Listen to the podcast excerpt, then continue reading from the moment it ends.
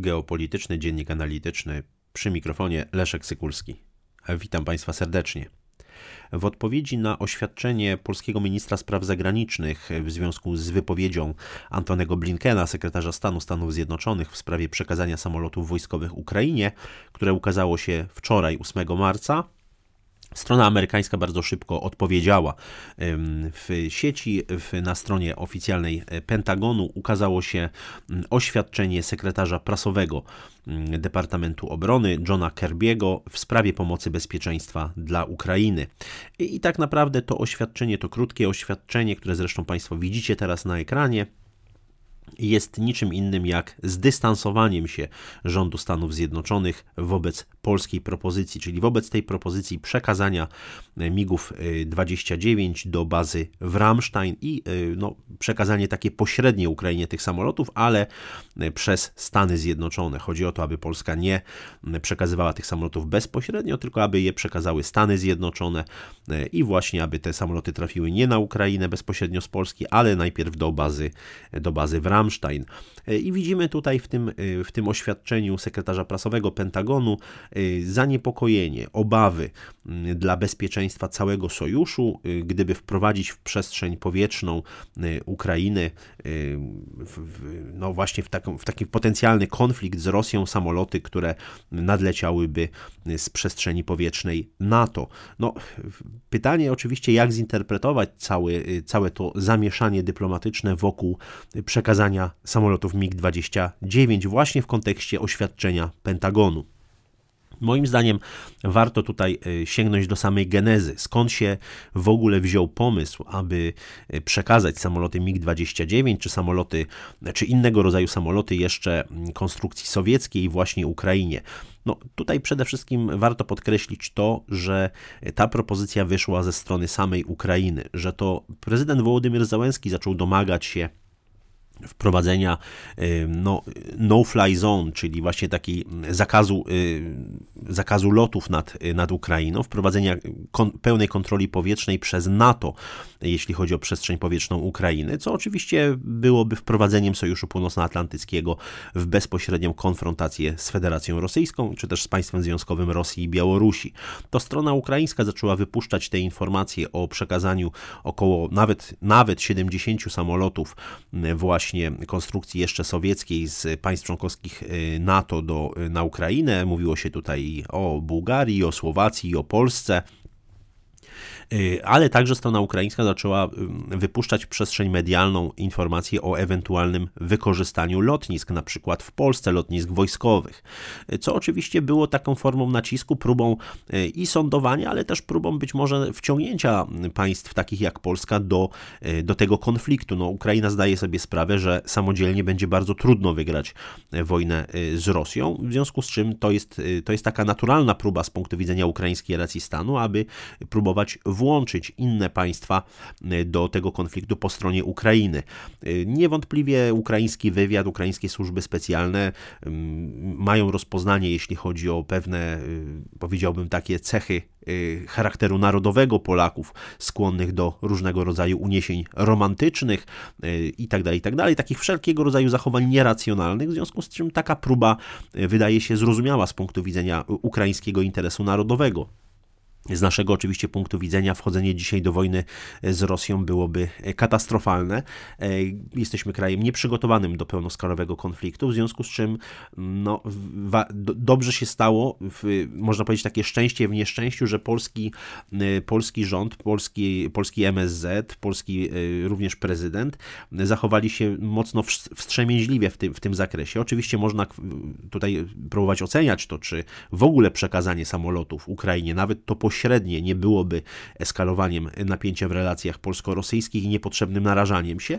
Niemniej jednak, biorąc pod uwagę te silne naciski i ukraińskie, i te silne naciski amerykańskie, widać, że, że zastosowano pewnego rodzaju fortel, który, który okazał się przynajmniej w tym, na tym etapie yy, rozwoju yy, wydarzeń skuteczny. skuteczny. Natomiast warto zauważyć yy, to, że Amerykanie zaczynają grać w bardzo niebezpieczną grę.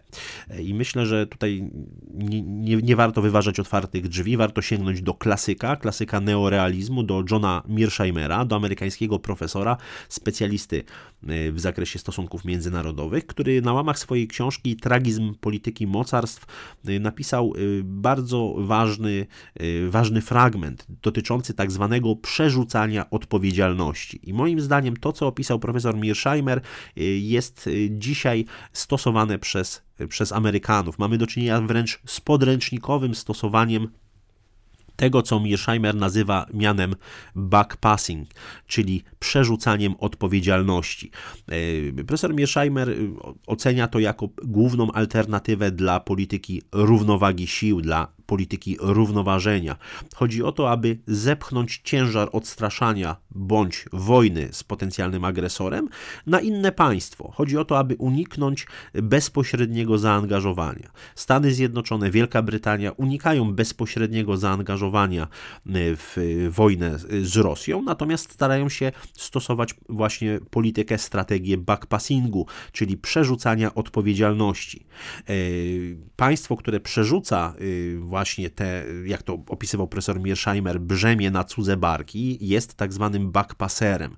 I w pełni oczywiście zdaje sobie sprawę, że y, trzeba bronić istniejącej równowagi sił, czy też istniejącego porządku międzynarodowego, tego, który, który jeszcze y, dzisiaj jest sygnowany y, mocarstwowymi ambicjami Stanów Zjednoczonych, czyli właśnie tą dominacją amerykańską na świecie i pełnieniem przez nie roli głównego dystrybutora dóbr publicznych Natomiast Stany Zjednoczone dzisiaj zdecydowanie wolą, aby obronę, tego istnie, obronę istniejącej równowagi sił wykonywał ktoś inny, tak zwany backcatcher, e, czyli państwo będące na przykład junior partnerem Stanów Zjednoczonych państwo, które można wykorzystać do roli, jak ja to określam, zderzaka strategicznego.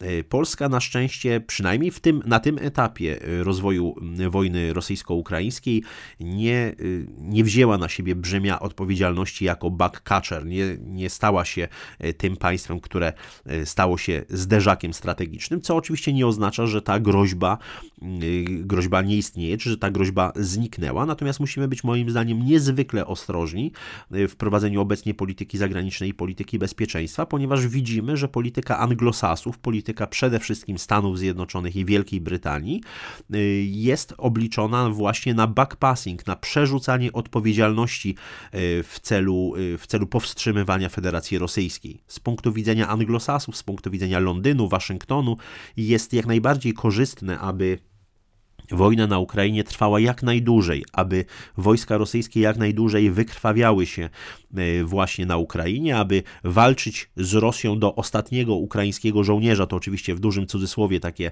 takie określenie, ale ono rzeczywiście wpisuje się w politykę backpassingu. Natomiast z punktu widzenia państwa polskiego, przekształcenie Ukrainy w drugi Afganistan dla Federacji Rosyjskiej jest skrajnie niebezpieczną e, e, perspektywą, skrajnie niebezpieczną, ponieważ grozi katastrofą humanitarną. Grozi katastrofą humanitarną, grozi e, potężnymi e, tąpnięciami społecznymi, gospodarczymi, a także politycznymi wewnątrz państwa polskiego. E, pytanie, czy dzisiaj Polska jest w stanie przyjąć na przykład 5 milionów Ukraińców, no jest pytaniem o przyszłość państwa polskiego, o przyszłość naszego bezpieczeństwa wewnętrznego, o przyszłość polskiej gospodarki i tak dalej, i tak dalej.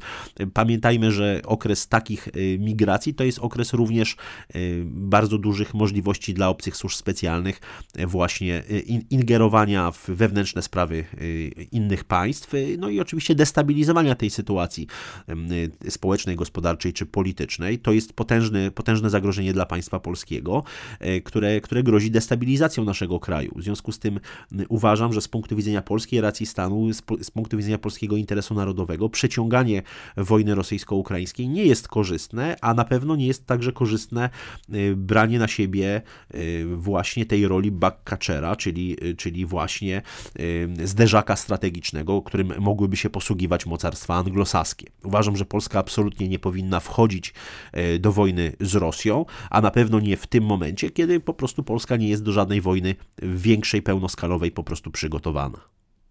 Dziękuję Państwu za uwagę.